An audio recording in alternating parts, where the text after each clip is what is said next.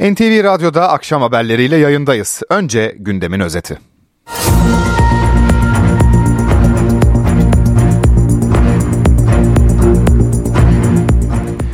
Gözler bugün mecliste. İsveç'in NATO üyeliğinin onaylanmasına ilişkin protokol ilerleyen dakikalarda genel kurulda oylamaya sunulacak. Oylama öncesi partilerin tavrını Ankara'dan, NATO karargahında konuşulanları ise Brüksel'den canlı bağlantıyla alacağız. SGK ve Bağkur emeklisine ek zam için düzenlemenin yasalaşması beklenirken memur emeklilerinin Ocak ayı zam farkıyla harp ve vazife malullerinin 2023 ek ödemeleri için tarih belirlendi. Kime ne zaman ödeme yapılacak az sonra aktaracağız. AK Parti yerel seçim için yeniden Refah Partisi'nin talep ettiği desteğin kapsamını genişletti. CHP ve MHP liderleri güncel konulardaki mesajlarını partilerinin grup toplantılarında verdi. İsrail Gazze'de zorda şimdiye kadarki en büyük kayıp verildi. Bir gecede 21 asker öldürüldü. Amerikan basını İsrail'in Hamas'a 2 aylık geçici ateşkes sunduğunu yazdı. Sıcak bölgeden canlı bağlantımız olacak. Son yılların moda kıyafetlerinden sıkı tayt ve dar kot pantolonlar pıhtı oluşumuna neden olabilir. Uzun süre ayakta veya masa başında çalışanlarda risk daha da artıyor. Uzmanından önemli uyarılar aldık.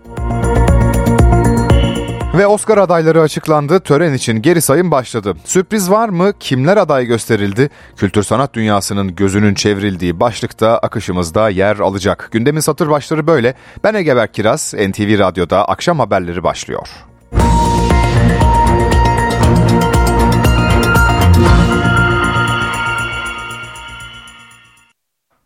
İlk durağımız meclis olacak. Genel kurulda bugün önemli bir düzenleme ele alınacak. İsveç'in NATO'ya üyelik protokolü ilerleyen dakikalarda oylamaya sunulacak. Oylama öncesi partilerin tavrını Ankara'dan Özgür Akbaş anlatıyor. İsveç'in NATO üyeliği konusu çokça konuşuldu, çokça tartışıldı ve bu konu, bu protokol meclisin gündemine geliyor. Meclis Genel Kurulu gündemine geliyor. Henüz gelmedi çünkü siyasi partilerin grup önerileri var ve o grup önerilerinin görüşmeleri devam ediyor. Saat 18'den sonra 19'a doğru bu önemli düzenleme protokol, protokolle ilgili aslında kanun teklifi meclis gündemine gelecek. E, daha önce şöyle bir durum vardı. Dışişleri Komisyonu'ndan e, bu kanun teklifi geçmişti ve AK Parti, Milliyetçi Hareket Partisi ve Cumhuriyet Halk Partisi'nin oylarıyla geçmişti bu kanun teklifi. İsveç'in NATO üyeliği ile ilgili e, protokolün protokolle ilgili kanun teklifi Dışişleri Komisyonu'ndan AK Parti, CHP ve Milliyetçi Hareket Partisi'nin oylarıyla geçmişti. Yine aynı şekilde AK Parti, CHP ve Milliyetçi Hareket Partisi'nin oylarıyla Meclis Genel Kurulu'ndan geçmesi bekleniyor. Hatta Milliyetçi Hareket Partisi Genel Başkanı Devlet Bahçeli bugün grup toplantısının sonrasında gazetecilerin bu konuya ilişkin sorusuna şöyle bir yanıt verdi. Milletvekilleri, Milliyetçi Hareket Partisi milletvekillerinin e, bu düzenlemeye evet oyu kullanacaklarını ifade etti. Dışişleri Komisyonu'ndaki görüşmelerde İyi Parti'nin İsveç'in NATO üyeliğine karşı çıktığını biliyoruz. Aynı şekilde Saadet Partisi'nin komisyon üyesi de hayır oyu vermişti. Dem Partisi ise NATO'ya karşı tutumuyla biliniyor.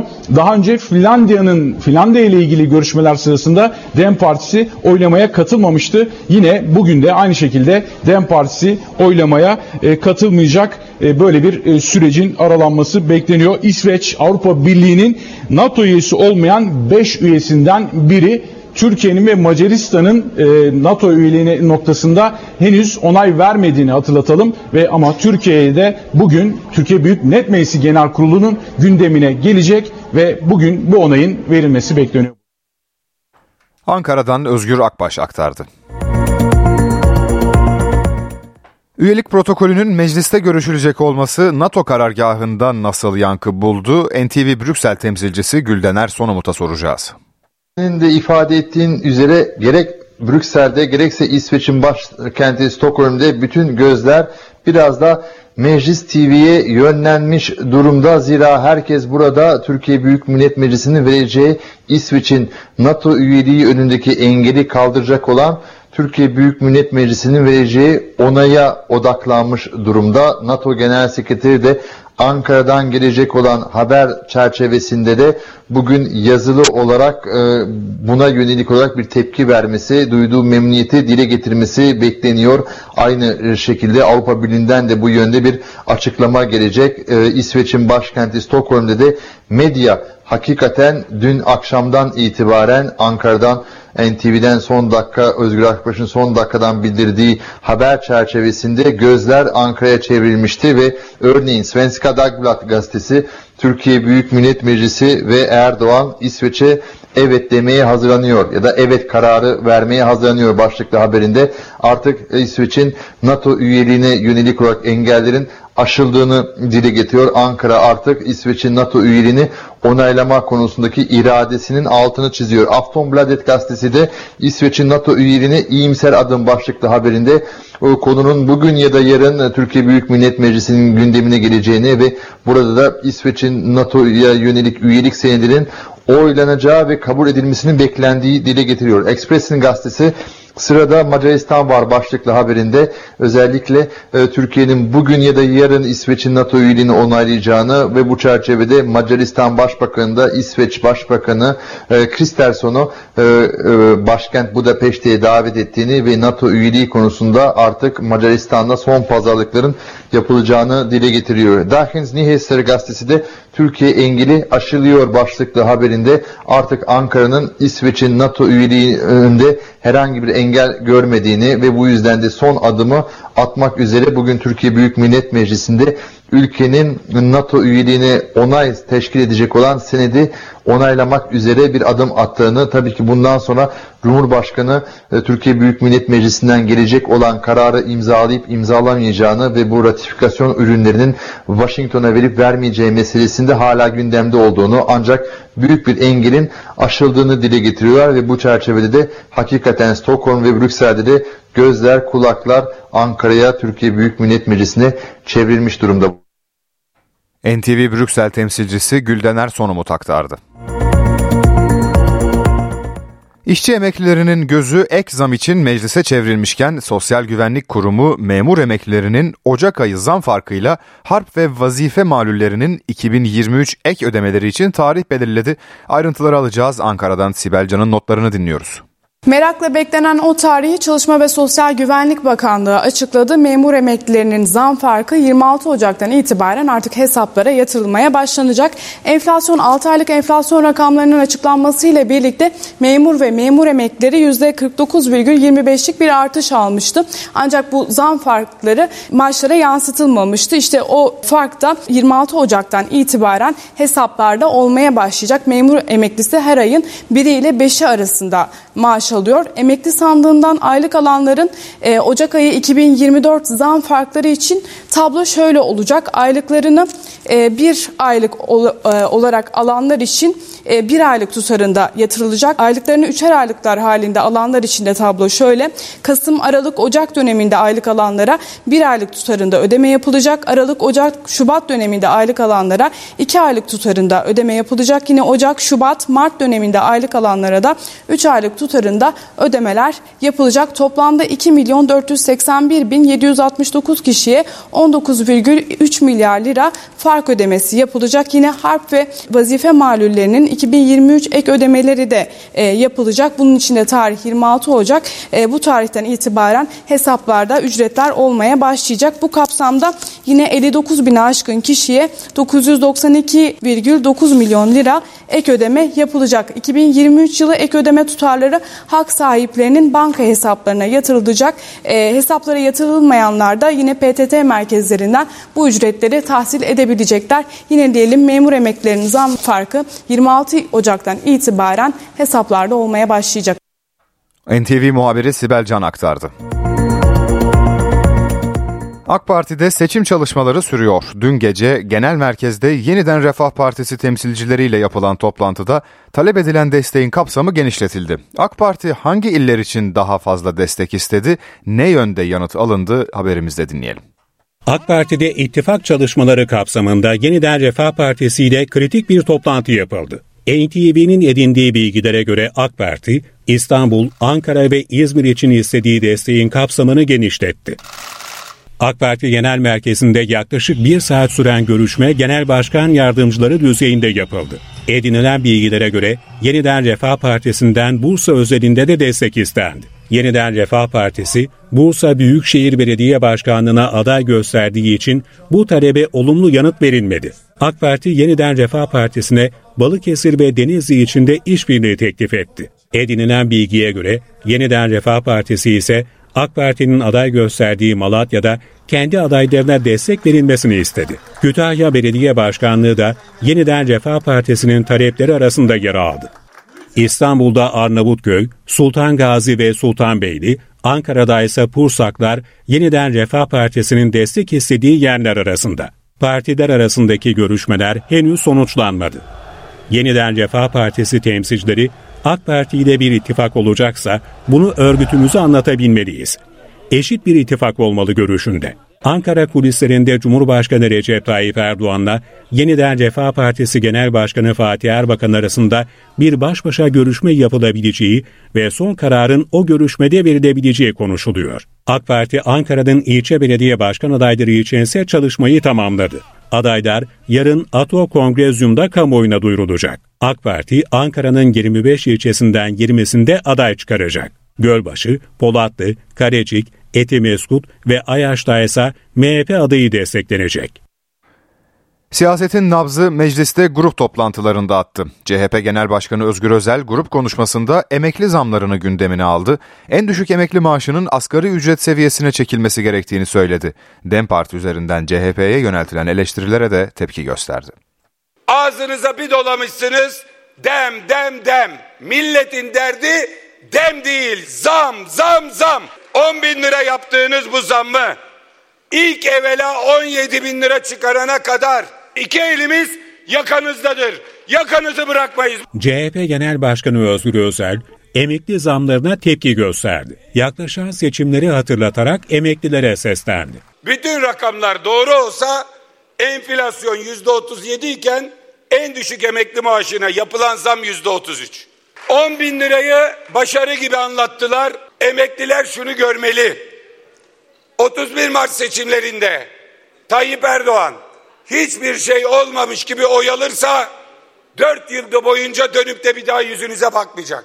Özel, DEM Parti ve terörle mücadele üzerinden partisine yöneltilen eleştirilere de tepki gösterdi. Zeka sorunu olursa bu ülkenin istiklaline, istikbaline göz dikenlerin karşısında dedeleri Çanakkale'de Conk Bayırı'nda kefensiz yatanlar var. Kefensiz yatanların torunları burada. MHP lideri Devlet Bahçeli'nin gündeminde ise Diyarbakır'ın Kulp ilçesinde geçtiğimiz cuma günü kaymakamla imam arasında hutbe nedeniyle çıkan tartışma vardı. Bahçeli kaymakama destek verdi, imama tepki gösterdi.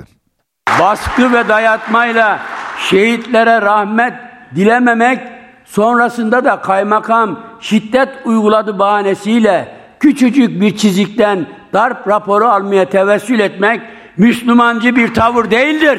Müslüman yalan söylemez. Müslüman iftira atmaz. MHP Genel Başkanı Devlet Bahçeli, Cuma hutbesinde şehitlerle ilgili bölümü okumayan Diyarbakır'ın Kulp ilçesindeki imama bu sert sözlerle tepki gösterdi. Kaymakam Burak Akeller'in uyardığı imam darp edildiğini öne sürerek rapor almıştı. Bahçeli, Kaymakam Burak Akeller'e sahip çıktı. Kulp Kaymakamımız şehitlerimize rahmet dilenen kısmın okunmadığını fark edince imamı isabetle uyarmış, hutbenin doğru okunmasını sağlamıştır.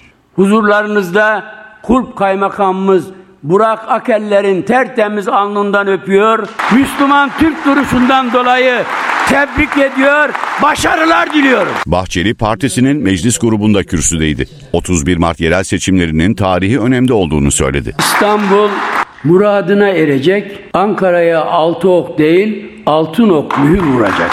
İzmir'de de dağın sıcaklığı tuncu eritip savuracaktır. Demlenmiş CHP Türk milletine meydan okumaktadır. İşte bu yüzden 31 Mart seçimleri Cumhur ile zilletin, vatan ile satanların arasında yapılacaktır. İyi Parti'nin Ankara Büyükşehir Belediyesi Başkan adayı yarın belli oluyor. Genel Başkan Meral Akşener'in yarın partisinin grup toplantısında konuştuktan sonra genel merkeze geçmesi ve adayın ilan edilmesi bekleniyor. İyi Parti'nin başkan adaylığı için Cengiz Topel Yıldırım'la anlaştığı iddia edilmişti. Yıldırım uzun süre eski CHP Genel Başkanı Kemal Kılıçdaroğlu'nun baş danışmanlığını yapmıştı. NTV Radyo Gazze gündemine geçelim. İsrail Gazze'de en ağır kaybını yaşadı. Bir gecede 21 asker öldürüldü. Amerikan basınında İsrail'in Hamas'a 2 aylık geçici ateşkes teklif ettiği ileri sürüldü. Sıcak bölgeye gideceğiz. NTV ekibinden Çağrı Ulu notlarını aktarıyor. Saldırı gece saatlerinde yaşandı. Gazze'nin güney kısmına yakın bir bölgede Han Yunus'ta meydana geldi. Yapılan açıklamaya göre İsrail ordu mensupları bir binaya mayın döşedikleri sırada El Kassam Tugayları tarafından roket atarlı saldırıya uğradılar ve bina infilak ederek askerlerin üzerine çöktü ve aynı bölgede bulunan bir tank da aynı şekilde saldırının hedefi oldu ve bu saldırı sonrasında İsrail ordu mensubu 21 asker hayatını kaybetmiş oldu. Son 24 saatte ise hayatını kaybeden İsrail ordusu mensuplarının sayısı 24'e yükselmiş oldu. Bu İsrail ordusunun bir günde verdiği en yüksek, en büyük kayıp olarak nitelendiriliyor. Açıklamayı da İsrail ordu sözcüsü e, Daniel Hagari yaptı ve bu saldırı sonrasında İsrail Başbakanı Benjamin Netanyahu bir açıklama yaptı ve bunun e, sorumlularını, bunun e, olayın sebebini araştırıyoruz, soruşturma başlattık dedi. Ve İsrail ordusu saldırının yaşandığı bölgeyi abluk altına alarak şu anda oraya ağır bombardıman yağdırmaya devam ediyor. Hayatını kaybeden askerler için bölgeye özel bir helikopter gönderildi ve oradan İsrail'e getiriliyorlar şu saatlerde. Tabi öte yandan e, bir anlaşma teklif etmişti. Ateşkes anlaşması teklif etmişti. Tel Aviv yönetimi Hamas tarafına. E, peki bu teklifin detayları neydi? E, İsrailli rehineler Gazze şeridinden çıkarılarak hepsi İsrail'e teslim edilecek ve aynı zamanda Gazze'de bulunan Hamas liderlerinin de Gazze şeridinden çıkışlarına izin verilecek. Şayet Hamas bu teklifi kabul ederse Tel Aviv yönetimi iki ay süresince ateşkes ilan edileceğini açıklamıştı. Ancak Hamas tarafından bir açıklama yapıldı. Bize henüz gelen resmi bir teklif yok dendi. Ama tabii e, bu teklif ne zaman iletilir ve Hamas'ın cevabı ne olur? Hamas'a yakın kaynaklar bu teklifin kabul edilmeyeceğini söylüyor. Çünkü Hamas mutlak bir ateşkes olmasını istiyor. Geçici süreyle değil, mutlak bir ateşkes olmasını istiyor. Gazze şeridinin kuzeyine biraz da göz atalım. Kuzeyde yoğun çatışmaların tekrar başladığını söyleyebiliriz. Merkezde ise El Kassam Tugaylarının yeraltı tünellerine odaklanmış durumda ordu. Buraları e, mayın tuzaklarıyla döşeyerek patlatmaya, imha etmeye çalışıyor. Güneyde de nüfus yoğun. Burada da e, İsrail ordusunun bombardımanının devam ettiğini söyleyelim. Şu an için Gazze şeridinde hayatını kaybedenlerin sayısı 25 bini, yaralı sayısı ise 63 bini aşmış durumda. Çağrı Ulu Tel Aviv'den bildirdi. Antalya ve Muğla sahillerinde 6 günde 9 cansız beden bulunmuştu. Ölenlerden birinin kayıp üniversite öğrencisi Merve Elmas olduğu belirlendi. Diğer cesetlerin kaçak teknesinin batması sonucu hayatını kaybedenlere ait olduğu düşünülüyor.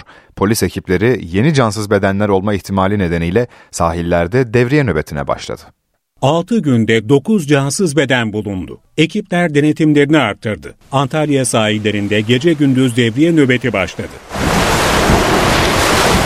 Antalya'nın Manavgat, Aksu ve Serik sahillerinde 6 gün içinde 8 kişinin cansız bedeni bulundu. Ölenlerden birinin 4 Ocak'ta kaybolan üniversite öğrencisi Merve Şevval Elmas'a ait olduğu tespit edildi. Cansız bedenleri bulunan diğer kişilerin ise bir kaçak teknesinin batması sonucu ölmüş olabileceği üzerinde duruluyor.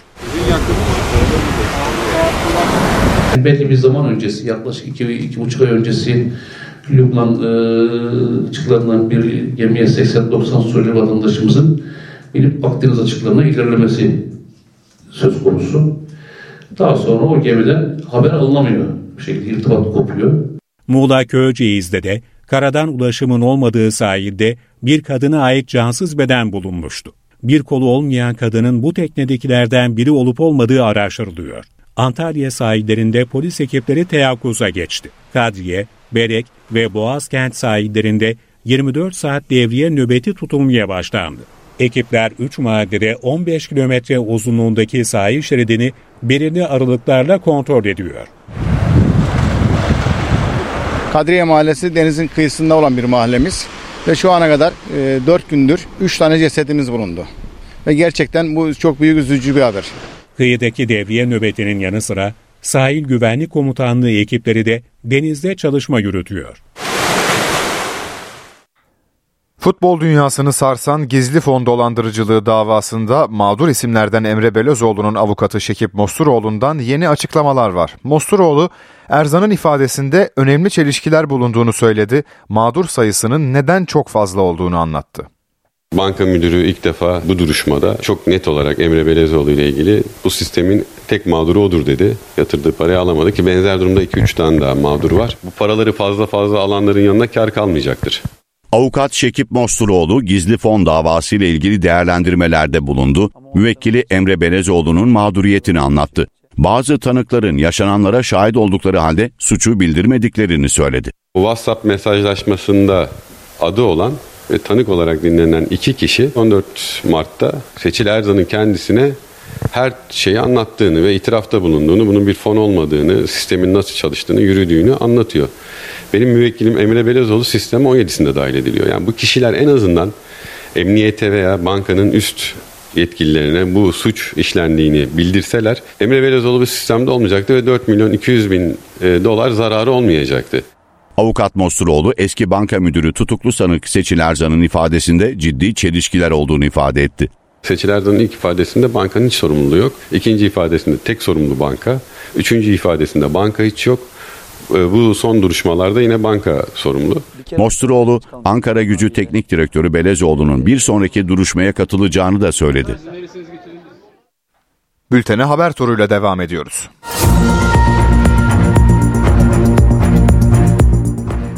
Akaryakıta zam geldi. Benzinin litresi bu gece yarısı 1 lira 46 kuruş artacak. Zam sonrası benzinin litre fiyatı İstanbul'da 38 lira 35 kuruşa, Ankara'da 39 liraya, İzmir'de 39 lira 20 kuruşa yükselecek. Kripto para borsası TODEX'in kurucusu Faruk Fatih Özer'in de aralarında bulunduğu 21 şüpheli hakkında hazırlanan ikinci iddianame, ilk görülen davada karar açıklandığı ve dosyaların birleştirilmesinin mümkün olmadığı gerekçesiyle iade edildi. İlk davada Faruk Fatih Özer toplam 11.190 yıl hapis cezasına çarptırılmıştı.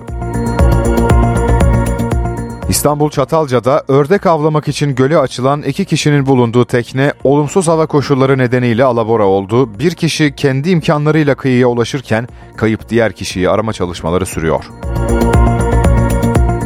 İzmir'de iki kişi arasında silahlı kavga çıktı. Şüphelilerden biri yoldan geçen kadını canlı kalkan olarak kullandı. Zanlılardan biri bacağından vurulup kadınla birlikte yere düştü. Diğer şüpheli ise olay yerinden uzaklaştı. Canlı kalkan olarak kullanılan kadın olayı yaralanmadan atlattı. Bulgaristan'dan Türkiye'ye gelen bir tırda arama yapıldı. Aramada Dorse'de kanatları demonte halde Cessna tipi uçak bulundu. El konulan uçak Atatürk Havalimanı'na çekildi. Kaçak eşya olarak yakalanan uçağın adli sürecin tamamlanmasının ardından satılabileceği kaydedildi.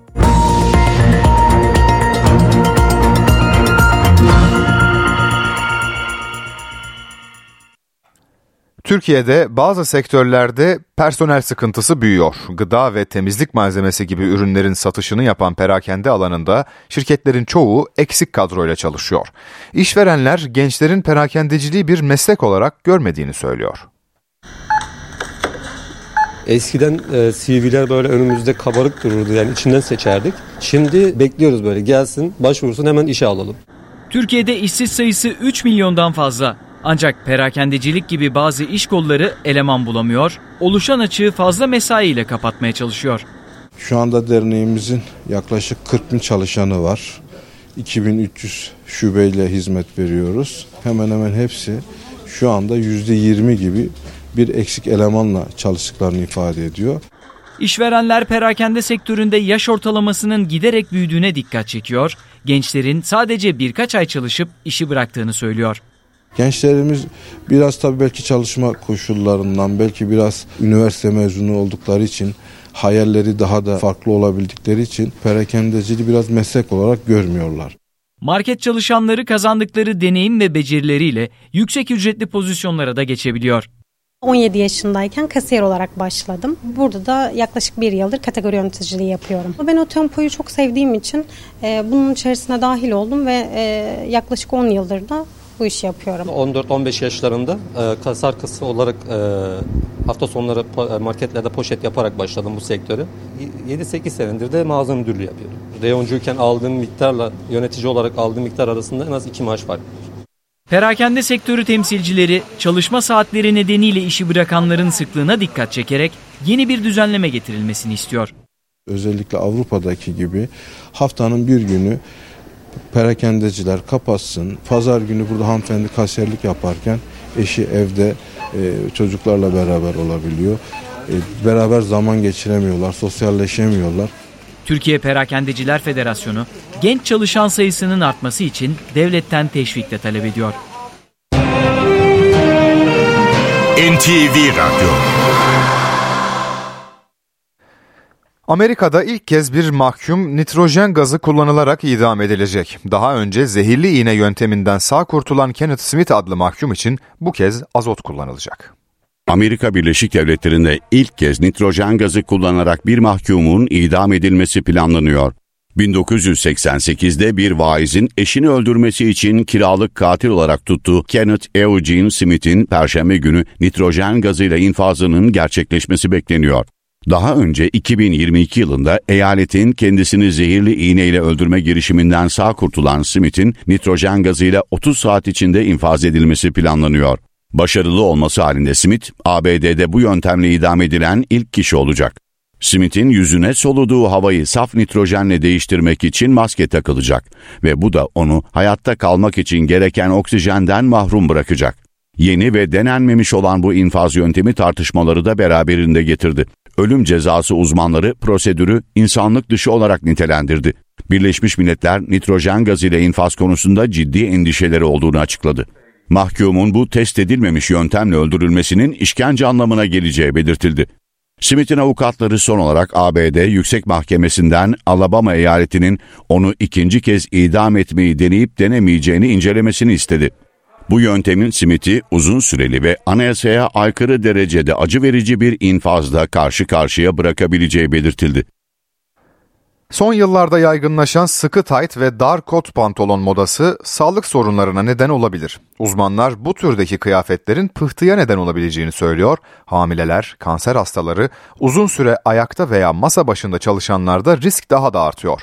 Kalp ve damar cerrahisi uzmanı Profesör Fatih Mehmet Uçar'ın bu konudaki uyarılarını dinleyelim.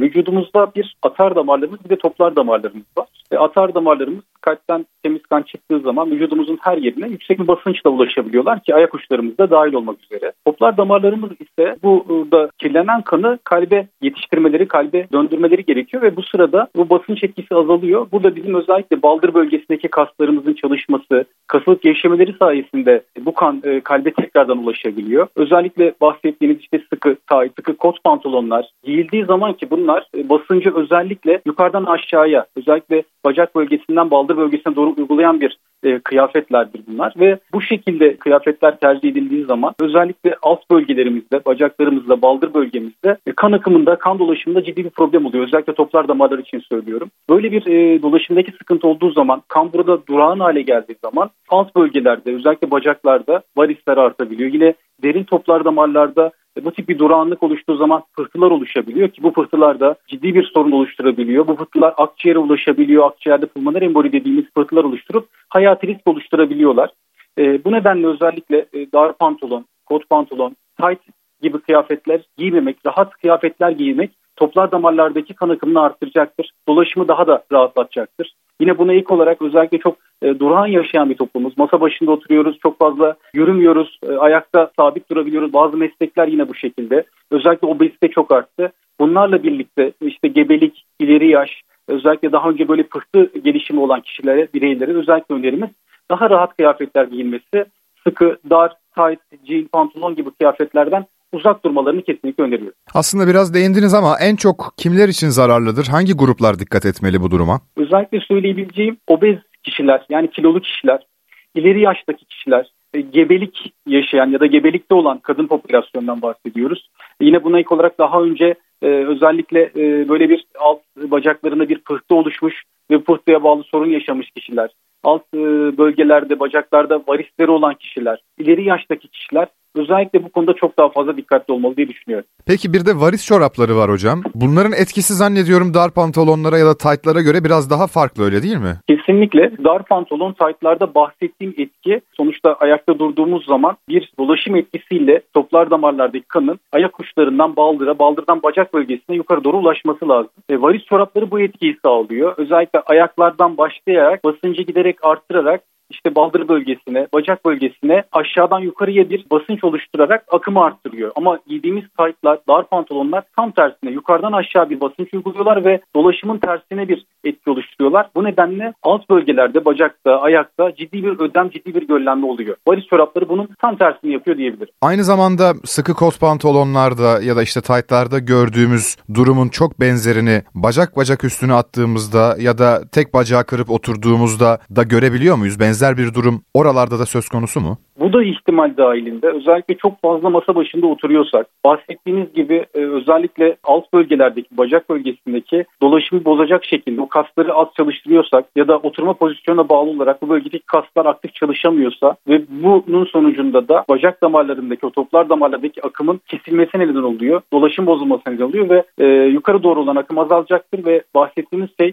söylediğiniz oturma pozisyonlarında bacak bacak üstüne attığımız zaman çok fazla oturduğumuzda e, ya da işte bacaklarımızı kırarak e, bir yere oturduğumuzda e, bu süre uzadığı zaman dolaşım bozulmasına bağlı olarak yine benzer sorunlar, pıhtılar, varisler oluşabilir. Kan akışını doğru etkilemek için yürüyüşü önerdiniz. Başka ne tavsiyeleriniz olur? Kesinlikle yürüyüş ilk tercihlerden bir tanesi çünkü bu bölgedeki kaslar çalışarak dolaşımı hızlandırıyorlar ve dolaşımı aktif hale getiriyorlar. Kesinlikle kilo ile mücadele etmeliyiz, obeziteyle. E, bu dolaşımı gerçekten çok etkileyecektir. Özellikle karın bölgesinde artan bir yağ dokusu bu bölgedeki büyük damarlara baskı uygulayacak ve alt bölgeden gelen e, toplar damarlardaki dolaşımı ciddi bozacak. Bu nedenle kilo vermeyi kesinlikle tavsiye etmeliyiz. Buna ilk olarak mevcutsa eğer özellikle oturarak çalışmamız gerekiyorsa gereken durumlarda veya uzun süreli yolculuklarda ayağa kalkarak bir saatte bir, iki saatte bir egzersiz yapmak, yürüyüş yapmak kesinlikle önerilerimizden bir tanesi olsun. Yine buna ilk olarak özellikle belli saatlerde e, oturmamız gereken durumlarda ayağımızı eğer yukarı kaldırabiliyorsak, kaç seviyesinin üzerine kaldırabiliyoruz bu akşam saatlerinde olabilir.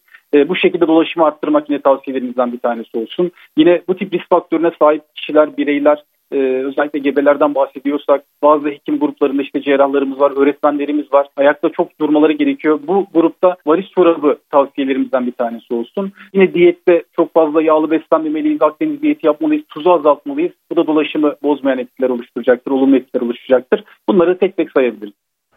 Profesör Fatih Mehmet Uçar NTV Radyo'daydı. Oscar adayları açıklandı. En iyi film ödülü için American Fiction, Anatomy of a Fall, Barbie, The Holdovers, Killers of the Flower Moon, Maestro, Oppenheimer, Past Lives ve The Zone of Interest yarışacak. En iyi aktör dalında Bradley Cooper, Coleman Domingo, Paul Giamatti, Killian Murphy ve Jeffrey Wright aday gösterildi. En iyi aktris ödülü içinse Annette Bening, Lily Gladstone, Sandra Hüller, Carey Mulligan ve Emma Stone yarışacak. 10 Mart'ta düzenlenecek Oscar ödülü törenini bu yıl Jimmy Kimmel sunacak.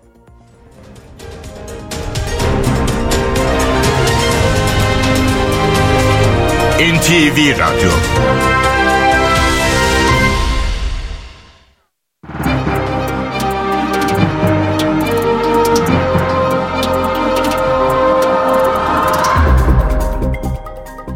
Borsa İstanbul Yüz Endeksi 7969 seviyelerinde. Dolar 30.28, Euro 32.92'den işlem görüyor. Euro dolar paritesi 1.08. Ons altın 2023 dolarda. Kapalı çarşıda gram altın 1968 liradan, çeyrek altın 3339 liradan satılıyor. Brent petrolün varil fiyatı ise 79 dolar.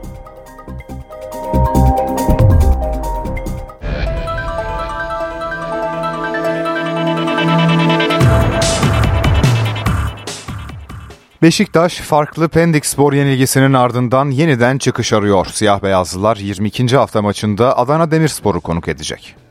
Beşiktaş Trendyol Süper Lig'de yeniden çıkış arıyor. Yenildik diye başımızı eğmemeliyiz. Kötü bir maç çıkardığımızı unutmayacağız. Ama başımızı dik tutacağız.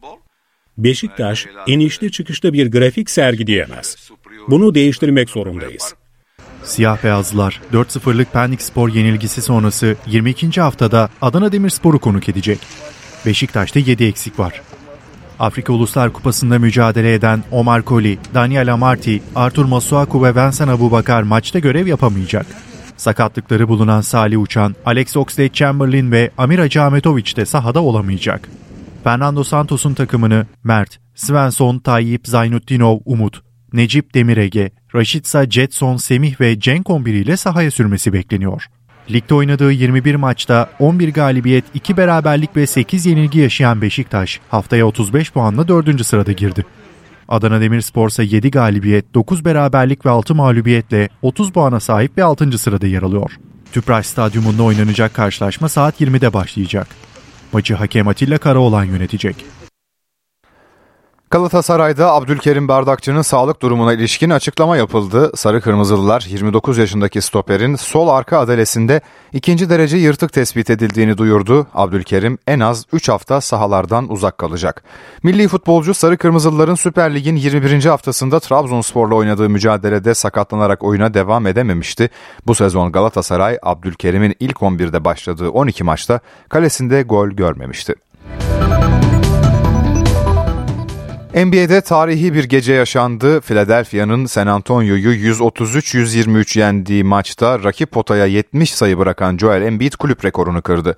Bu sezon bir maçta atılan en yüksek sayıya ulaşan Embiid karşılaşmanın ardından ben hücumda ve savunmada her zaman agresif olmaya, oyunu domine etmeye çalışıyorum. Bu maçta da benim için değişen bir şey yoktu dedi.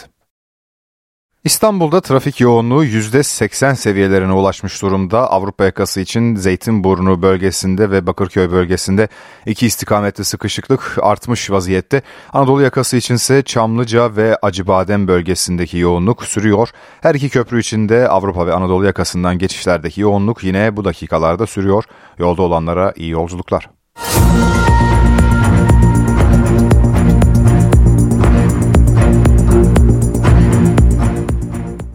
NTV Radyo'da gelişmeleri aktarmayı sürdürüyoruz. Ukrayna Savaşı sonrası güvenlik kaygısıyla NATO'ya üyelik başvurusu yapan İsveç için son sözü Türkiye söyleyecek.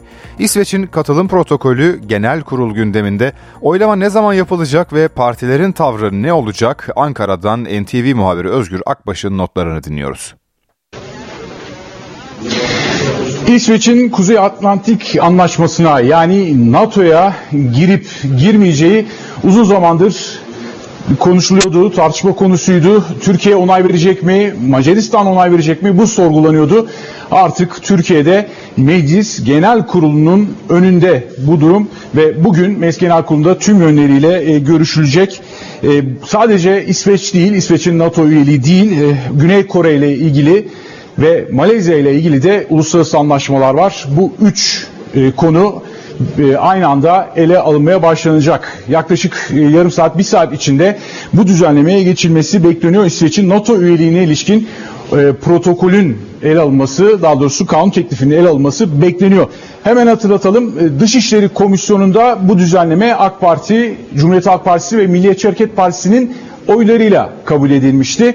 Bugün de Meclis Genel Kurulu görüşmeleri sırasında yine AK Parti, Milliyetçi Hareket Partisi ve Cumhuriyet Halk Partisi'nin oylarıyla bu e, kanun teklifinin, bu protokolün kabul edilmesi bekleniyor. Dışişleri Komisyonu'ndaki görüşmelerde İyi Parti ve Saadet Partisi komisyon üyeleri hayır oyu vermişlerdi.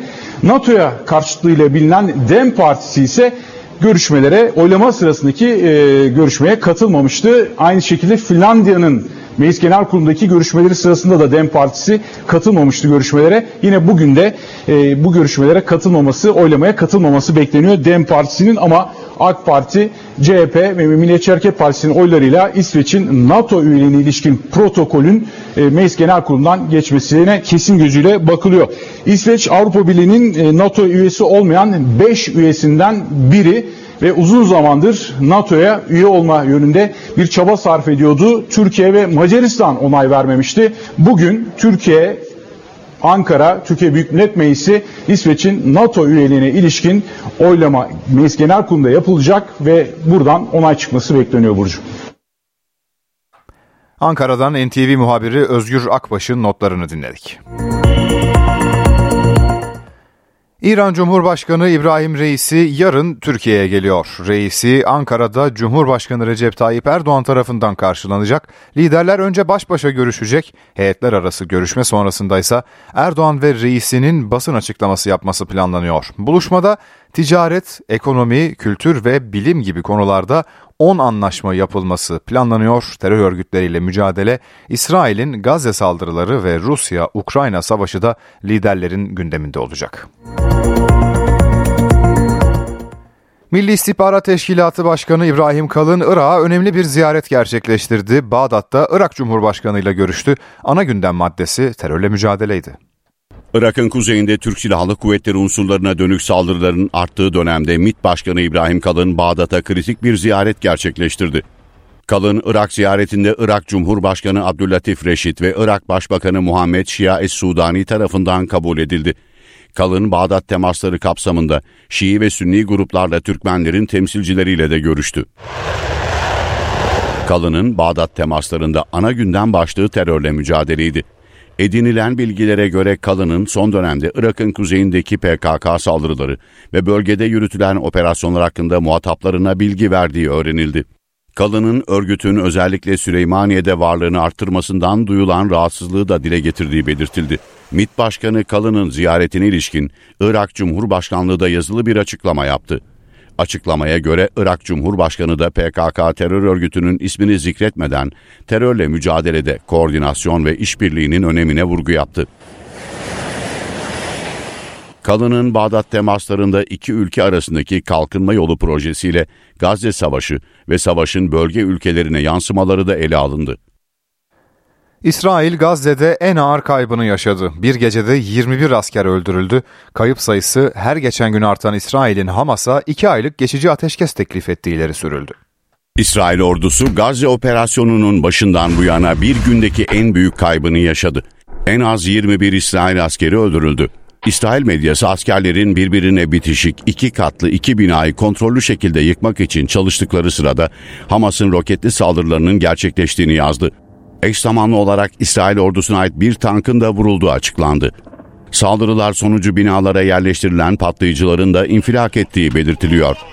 İsrail Başbakanı Benjamin Netanyahu Twitter hesabından savaşın başından bu yana en zor günlerden biri ifadelerini kullandı. Kahramanlarımızın hayatları için kesin zafer kazanana kadar durmayacağız dedi. Saldırıdan saatler önce ise İsrail'den tüm rehinelerin serbest bırakılması karşılığında iki aylık geçici ateşkes önerisi gelmişti.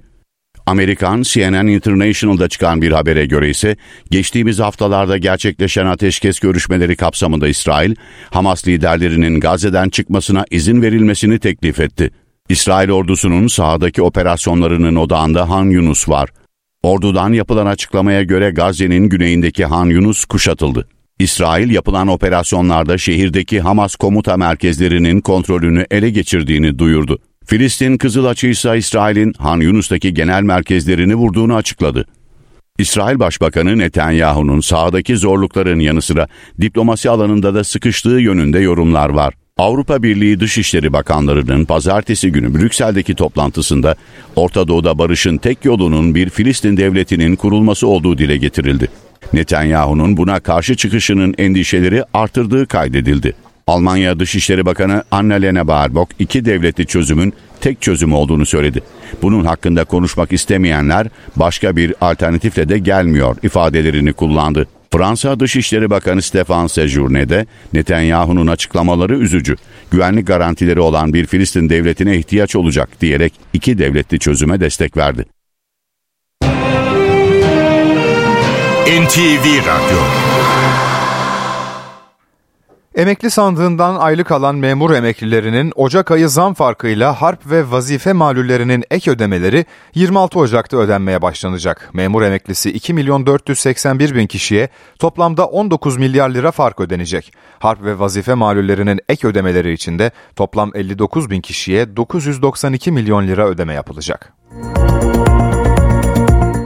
İstanbul Büyükşehir Belediye Başkanı Ekrem İmamoğlu Yedikule'de tesis açılışına katıldı. İmamoğlu'na rakibi Murat Kurum'un Kanal İstanbul açıklaması ve DEM Parti'nin İstanbul Büyükşehir Belediyesi için Başak Demirtaş'ı aday göstereceği iddiaları soruldu. Ne yanıt verdi dinleyelim. İstanbul Büyükşehir Belediye Başkanı Ekrem İmamoğlu, Yedikule Gençlik Spor Tesisi açılışında gündeme ilişkin soruları yanıtladı. İmamoğlu, İstanbul Büyükşehir Belediye Başkan adayı Murat Kurum'un Kanal İstanbul'la ilgili İstanbul'un gündeminde olmayan hiçbir şey bizim gündemimizde olmayacak açıklamasına yanıt verdi. Milletin dediği olur. Milletin dediği olur. Aynen doğru söylüyor. Milletin gündeminde ne varsa olur. Milletin gücü, sandığın gücü e, bir anda işte bu tür e, iradenin kendinde olmadığı yöneticilerin e, bir anda sesini kısabiliyor. İmamoğlu'na DEM Parti'nin İstanbul Büyükşehir Belediye Başkan adayı olarak Başak Demirtaş'ı göstereceği iddiaları da soruldu. Bir başka partinin aday çıkartıp çıkartmayacağı ile ilgili e, bir adayın yorum yapması zaten doğru bir şey değil. Dolayısıyla bu konu e, DEM Partisi'nin karar vereceği bir konu. E, benim yorum yapmamı gerektirecek bir durum değil. Tamam. İstanbul Büyükşehir Belediye Başkan adayı Murat Kurum ise bugün minibüsçüler ve muhtarlarla bir araya geldi. Yerel seçimlerle ilgili konuştu.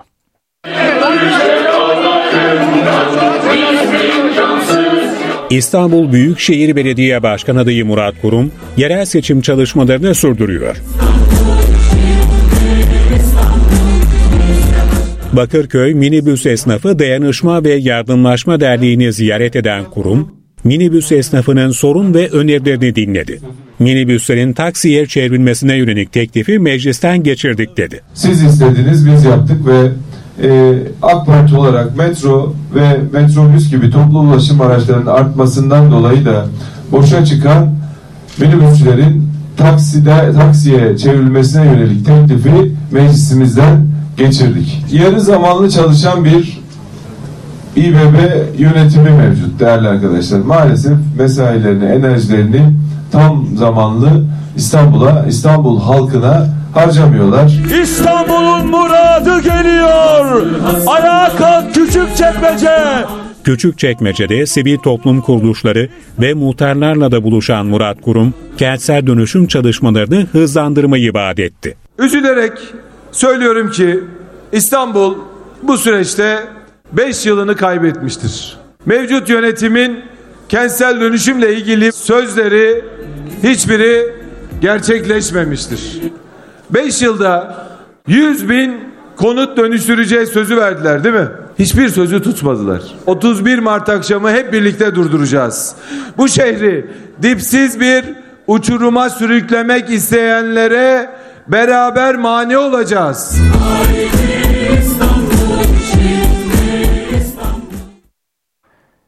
Amasya'da bir kişi kendisini kovalayan iki kişiden kaçarak nöbetçi eczaneye sığındı. Kapıyı kırarak içeri giren genç ve babası eczane teknisyenine bıçakla saldırdı. Saldırganlar tutuklandı. Nöbetçi eczanenin kapısını kırarak içeri girdiler. Görevli teknisyeni darp edip bıçakladılar. Başında dikişler var, işte yüzünün büyük bir kısmında dikişler var, bacağında dikişler var, her yerinden bıçak darbesi almış durumda. Bir kişi sokakta karşılaştığı iki husumetlesinden kaçarak nöbetçi eczaneye sığındı. Rafların arkasına saklanıp eczanede bulunan teknisyen Emre Gökçe'den polis çağırmasını istedi. Ekipleri arayan Gökçe iş yerinin kapısını kilitledi. Eczanenin önüne gelen iki saldırgan kapıyı kırarak içeri girdi. Bir anda teknisyen Emre Gökçe'ye saldırdı. Başına ve vücuduna bıçak darbeleri alan 29 yaşındaki Gökçe kanlar içinde kaldı. Saldırı böyle yaralamaya yönelik gibi değil adam öldürmeye yönelik gibi olmuş yani. Bıçak darbelerini rastgele savurmuş görüntüler de var eczane kamera kayıtlarında. Yani hani e, vahşet yaşanmış öyle söyleyeyim. İki saldırgan kaçmak üzereyken polis ve bekçiler tarafından yakalanarak tutuklandı. Hastaneye kaldırılan Emre Gökçe'nin durumu iyi. Sanatçı Hülya Yiğitalp'in SpaceX'te çalışan mühendis oğlu Yiğit Tokbey, Amerika'da geçirdiği trafik kazası sonucu hayatını kaybetti. Kaza 17 Ocak'ta Kaliforniya eyaletinin Santa Barbara bölgesinde meydana geldi. Polis Tokbey'in motosikletinin kontrolünü kaybederek karşı yola saptığını, ardından karşı yönden gelen çok sayıda aracın kendisine çarptığını bildirdi. Tokbey'in olay yerinde hayatını kaybettiği açıklandı. Olayla ilgili soruşturma başlatıldı. Viral hastalıklar çok yaygın. Bu dönemde kimileri sihirli serum adı verilen destekleyici güçle bağışıklık sisteminin güçlendirileceğini savunuyor. Dahası evde uygulama da giderek yaygınlaşıyor. Peki vitamin serumları gerçekten mucize mi? Acil tıp uzmanı Profesör Nurettin Özgür Doğan yanıtladı. Damar yoluyla uygulanan ilaçların ve serumların hepsinin mümkünse hastane ortamında eğer mümkün değilse de özel bir klinikte veya hekim gözetiminde uygulanmasını biz isteriz. Çünkü karşımıza çıkabilecek çeşitli alerjik reaksiyonlar var. Aynı zamanda ölüme kadar gidebilecek anafilaksi dediğimiz bir durum var. Bugüne kadar hiç kimseye e, e, hastane dışı bir ortamda serum, ilaç vesaire bir şey yapmadım. Evde serum uygulaması özellikle salgın dönemiyle birlikte arttı. Çarpıcı başlıklarla, indirimlerle, sosyal medya reklamlarıyla serum pazarlayanların birçoğunun bir adresi dahi yok. Dolayısıyla uygulamayı kimin yaptığı içinde ne olduğu da şüpheli belki binde bir, belki on binde bir karşınıza çıkabilecek olan bir sorunda e, müdahale edebilecek kapasitenizin olabilmesi gerekiyor. Eğer bu sizde yoksa bu sefer bu işin sorumluluğunu alamıyorsunuz. En büyük sorun bu. Kontrol altına alınabilecek şeyler de karşınıza çıkabilir ama ciddi yumuşak doku şişliğiyle birlikte soluk borusunu e, etkileyen, ciddi akciğerleri etkileyen e, ve e, o anda e, hekimin dahi müdahale edemeyeceği sorunlar ortaya çıkabilir. Hastane içinde biliyorsunuz günübirlik ilaç uygulamaları yapılıyor. Böyle durumlarda bile acil servisimize gelen hastalar var. Hastalar oluyor. Tıpta var mı böyle sihirli e, formüller? Tıpta keşke elimizde böyle sihirli serumlar olsa e, ve e, bu şekilde gelen çeşitli enfektif durumlarla gelen hastaları çok hızlı bir şekilde ayağa kaldırabilsek. Ne yazık ki tıpta e, sihirli bir serum yok.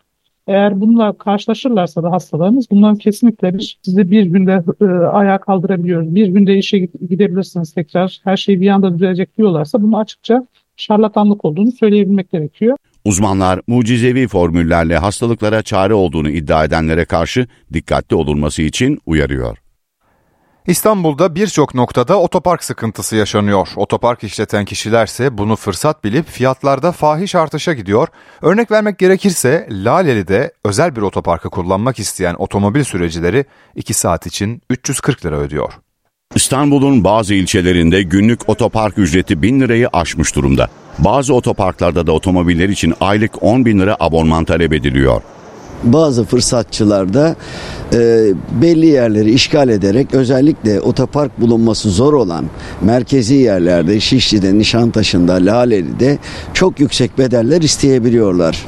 Buna karşı büyükşehir belediyelerinin mutlaka bir önlem alması lazım. Örneğin Laleli'de özel bir otoparkı kullanmak isteyen otomobil sürücüleri 2 saat için 340 lira, cip veya minibüsler için 470 lira ödüyor. Fiyat listesi bulunmayan otoparklarda araç sahibi ödediği bedelin fişini alarak tüketici hakem heyetine başvurabilir. Değnekçiler bitti diyoruz. Vale şirketleri kuruldu. Bunlar da fiyat belirlerken hiçbir ölçü tanımıyorlar. Ölçü yok çünkü. Mutlaka bir ölçü getirilmeli. Aksi halde vatandaş arabasını bırakıyor. Bir saatliğine 500 lira para istiyorlar ve şok geçiriyor. Tüketici kanununa göre otopark ücretinin tabelada bulunması gerekiyor. İspark'ın yol kenarlarına koyduğu tabelalar var. Asgari ise 52 liraya çıktı.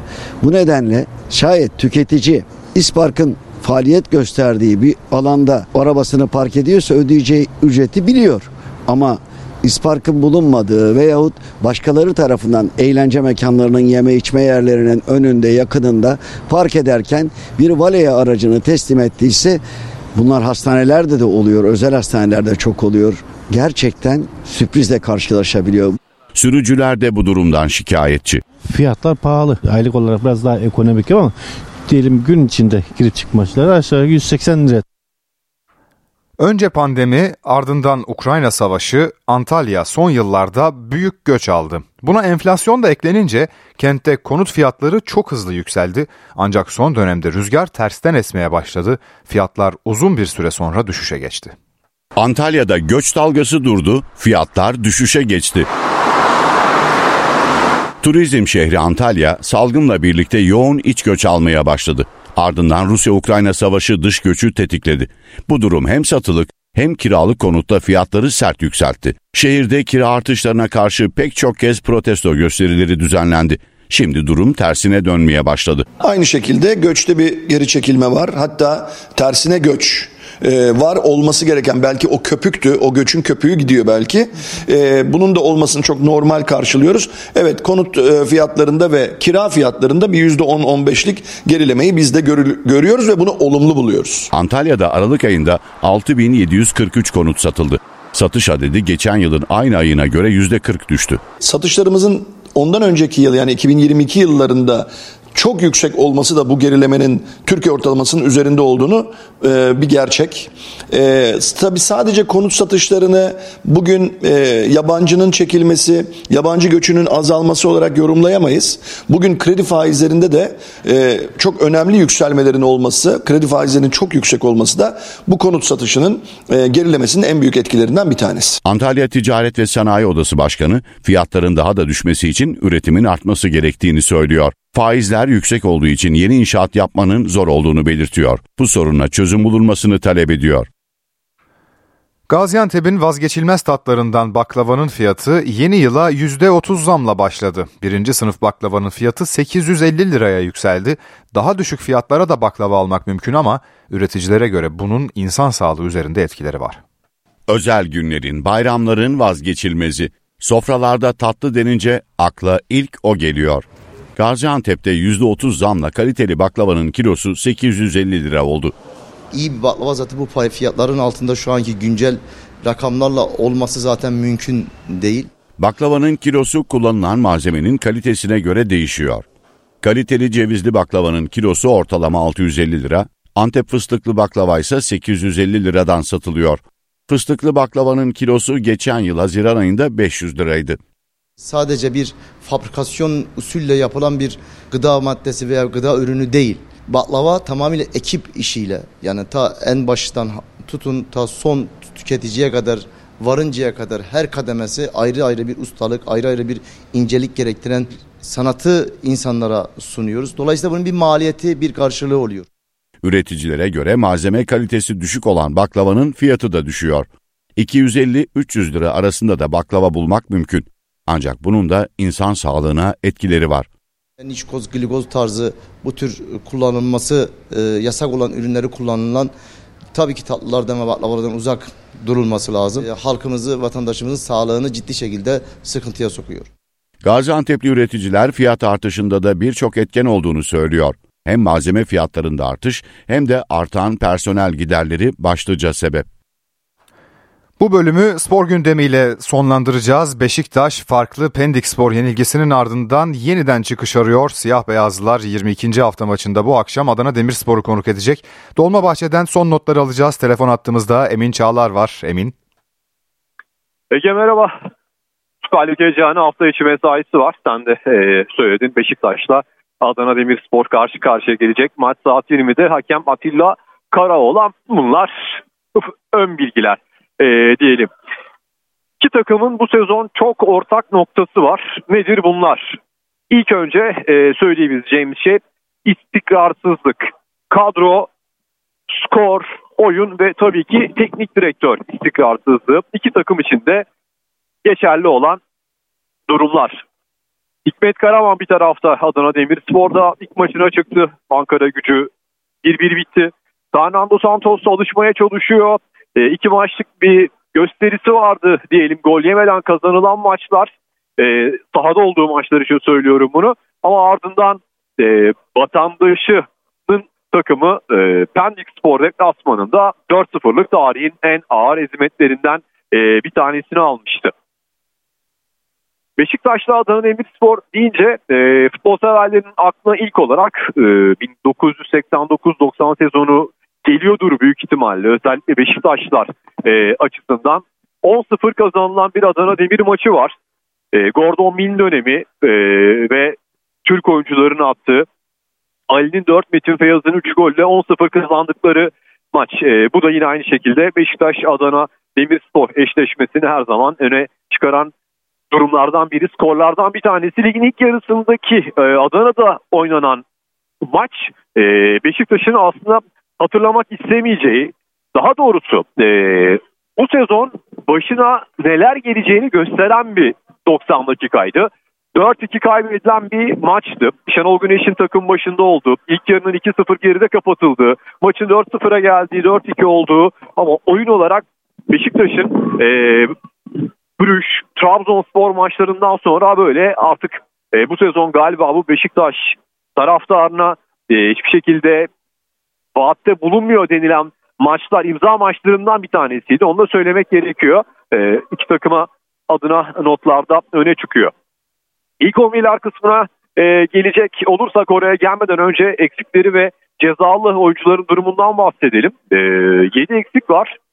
Milli takım kamplarında bulunan isimler, sakat olan isimler var. E, daha da önemlisi 4 oyuncu ceza sınırında, sarı kart ceza sınırında. Bunlar e, eğer sarı görürse hafta sonu oynayacak Sivas Spor maçında cezalı duruma e, düşecekler. Mert, Necip, Tayfur ve e, Jason Fernandez. Onları da söylemek gerekiyor. Muhtemel 11'ler üzerinden e, değerlendirecek olursak e, onu şunu da söyleyelim. E, hafta içi maçı ilgi şu anda e, çok az e, seviyede. E, Adana Demirspor taraftarlarının e, geldiğini gördük. E, Beşiktaş taraftarların arasından rahatça geçtiler. E, güzel bir ortam vardı. E, asla bir laf atma durumu söz konusu olmadı. Yani bu akşam Adana Demir e, takımını taraftarını deplasman tribünde net bir şekilde görebileceğiz. Bunu bir kez daha söylemiş olalım. E, Fernando Santos Pendik Spor mağlubiyetinden sonra e, nasıl bir 11 e, çıkaracak? Herkes bunu merak ediyor. E, Svensson oynayacak mı sorusu var. E, büyük ihtimalle oynayacak gibi e, gözüküyor. Kalede Mert olacak. Umut sol bekte, Svensson e, sağ bekte olacak. E, Tayyip ve Bahtiyar tandemini e, göreceğiz. Amir'in sakat olduğu bu denklemde e, Demir Ege'nin e, artık 11'de sakatlanmadığı takdirde 11 oyuncusu olduğunu söyleyelim. E, Salih Uçan'ın da sakat olduğunu hatırlatalım. E, Demir onların önünde olacak. Demir Ege Tıknaz. Onların önünde yine bir dörtlü orta saha bekliyoruz. Bekliyoruz. Raşit sağ, sağda. E, son haftaların Beşiktaş'ın en çok konuşulan, en çok heyecan vaat eden e, Beşiktaş dendiğinde akla gelen ilk isim Semih Kılıçsoy. Onu yine e, solda göreceğiz. Jetson da e, ortayı e, tamamlayacak ve e, hücum hattında Cenk Tosun'un e, oynamasını bekliyoruz. Belki e, Muleka tercihini de e, görebiliriz. Bunu da e, söylemek gerekiyor. Tayfur'un pozisyonu daha doğrusu e, Jetson'un yanında Tayfur büyük ihtimalle yine e, oynayabilir. Belki e, Rebic'i de görebiliriz. E, Beşiktaş kadrosu bilinmezlikler üzerinden artık e, sayılabiliyor. E, Fernando Santos'un yetiştirmesi gereken çok şey var. Oyun anlayışından e, sahadaki kaliteye kadar ve bunu da göreceğiz. E, Fernando Santos çok tecrübeli bir isim ama ligin yenisi. Hikmet Kahraman e, ligin e, en tecrübelilerinden bir tanesi. E, bu akşam teknik adamın e, eşitleri tecrübe ama takımlar teknik adamların tecrübelerine sahada nasıl yanıt verecek? E, onun da cevabını saat 20'de başlayacak Beşiktaş Adana Demirspor maçında öğreneceğiz. Atilla Karaoğlan'ın e, karşılaşma yöneteceğini söyleyelim. Atilla Karaoğlan burada en son Beşiktaş Fenerbahçe derbisini yönetmişti. E, o gün tartışılan kararları vardı. O maçtan sonra bir kez daha Beşiktaş'ın e, bir maçına e, atandığını söyleyelim. Taraftar sayısının şu an beklentilerin altında olduğunu söyleyelim ama e, trafik yoğunluğunun beklentilerin üstünde olduğunu hatırlatalım bu bölgeye gelecek olanlara. Bu da bizden bir uyarı olsun. Ege sözü sana bırakıyoruz. E, sorun varsa alırım. Emin Çağlar çok teşekkür ediyoruz. İyi akşamlar. İyi akşamlar. Beşik... Zaten Beşiktaş Adana Demirspor karşılaşmasına dair notları aldık. Emin Çağlar aktardı.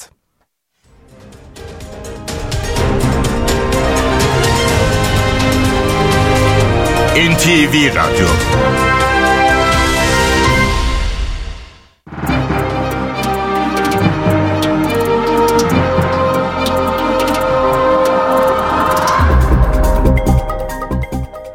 Borsa İstanbul 100 endeksi 7950 seviyelerinde. Dolar 30.27, Euro 32.84'ten işlem görüyor. Euro dolar paritesi 1.08. Ons altın 2023 dolarda.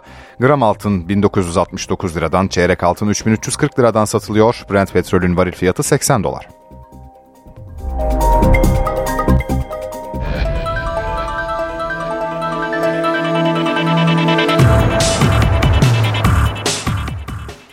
Trendyol Süper Lig heyecanı 22. haftayla bugün devam ediyor. Saat 17'de başlayan Hatay Spor Alanya Spor mücadelesinde ev sahibinin 1-0'lık sıfırlık üstünlüğü devam ediyor. 20'de ise Pendik Spor Kasımpaşa ve Beşiktaş Adana Demirspor karşılaşmaları oynanacak. Yarın Fenerbahçe saat 20'de Başakşehir'e konuk olacak. Galatasaray ise Perşembe günü saat 20'de İstanbulspor'u ağırlayacak. Galatasaray'da Trabzonspor maçında sakatlanan Abdülkerim Bardakçı 3 hafta forma giyemeyecek. Sarı Kırmızılıların transferdeki önceliği ise sol bek takviyesi. Galatasaray Abdülkerim Bardakçı'dan 3 hafta yararlanamayacak. Sarı Kırmızılılar milli futbolcunun sol arka adelesinde ikinci derece yırtık tespit edildiğini açıkladı. Abdülkerim Trendyol Süper Lig'in 21. haftasındaki Trabzonspor mücadelesinde sakatlanarak oyuna devam edememişti. Bu sezon Galatasaray'ın en çok forma giyen oyuncularından biri olan 29 yaşındaki stoper tüm kulvarlarda çıktığı 32 maçta 5 gollük performans sergiledi. Okan Buruk'un ekibi Abdülkerim Bardakçı'nın ilk 11'de başladığı 12 maçta kalesinde gol görmedi. Galatasaray'da transfer çalışmaları da sürüyor. Sol bek takviyesini öncelikli olarak gören teknik heyet Fatih Karagümrük forması giyen Levent Mercan'ın faydalı olacağını yönetime iletti. Galatasaray'ın Levent için yakın zamanda somut adımlar atması beklenirken Kırmızı Siyahlılar 23 yaşındaki sol bekin ayrılığına sıcak bakmıyor. Sarı Kırmızılıların kanat rotasyonunu güçlendirmek için düşündüğü isimse Adana Demirspor forması giyen Yusuf Sarı. Galatasaray hücum hattında ayrılıklar yaşanması halinde bu transfer için resmi girişimlere başlayacak. 25 yaşındaki kanat oyuncusunun Avrupa'dan da talipleri bulunuyor. Trendyol Süper Lig'de kış transfer dönemi 9 Şubat'ta sona erecek. İtalya Süper Kupası Hakan Çalhanoğlu'nun ellerinde yükseldi. Milli futbolcu kulübüyle 5. kez kupa sevinci yaşadı. İtalya Süper Kupası Suudi Arabistan'da oynandı. Geçen sezonun şampiyonu Napoli ile İtalya Kupası'nı kazanan Inter karşılaştı. Tek golü 90 artı 1'de Lautaro Martinez attı. Hakan Çalhanoğlu 90 dakika forma giydi ve Inter'le 5. kez kupa sevinci yaşadı. Kupayı üst üste 3. kez kazanan Inter toplamda 8. şampiyonluğunu elde etti. Avustralya açıkta ilk yarı finalistler belli oluyor. Erkeklerde ve kadınlarda son şampiyonlar çeyrek finali geçmeyi başardı.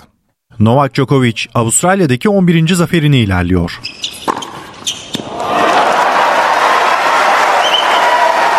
Dünya bir numarası çeyrek finalde Taylor Fritz'i eledi. İlk set büyük çekişmeye sahne oldu. 84 dakikalık bu bölümden tiebreak sonunda Djokovic galip ayrıldı. İkinci sette ise gülen taraf Taylor Fritz'ti. Amerikalı sporcu seti 6-4 alarak durumu eşitledi. Devamında Djokovic 6-2 ve 6-3'lük setlerle maçı 3-1 kazanmayı başardı. Uh, çok zor bir galibiyetti. Harika servisler attı. Kortta beni çok koşturdu. Fiziksel ve psikolojik olarak zor bir maç oldu.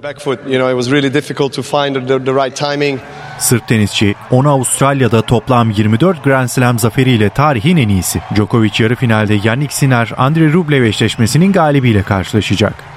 Djokovic'in ardından kadınlarda da son şampiyon yarı finalde. Arina Sabalenka, Barbara Krejcikova engelini geçerken zorlanmadı. Belaruslu sporcu ilk seti 6-2, ikinci seti de 6-3 alarak 1 saat 11 dakikada tur atlamayı başardı. Sabalenka'nın sıradaki rakibi ise daha zorlu. 4 numaralı seri başı Gauff yarı finale 2-1'lik galibiyetle ulaştı. 21 yaşındaki Amerikalı tenisçi Marta Kostyuk karşısında ilk seti 7-6 aldı. Kostyuk aynı sonuçta setlere eşitliği getirdi. Gauff final setini 6-2, maçı da 2-1 kazandı.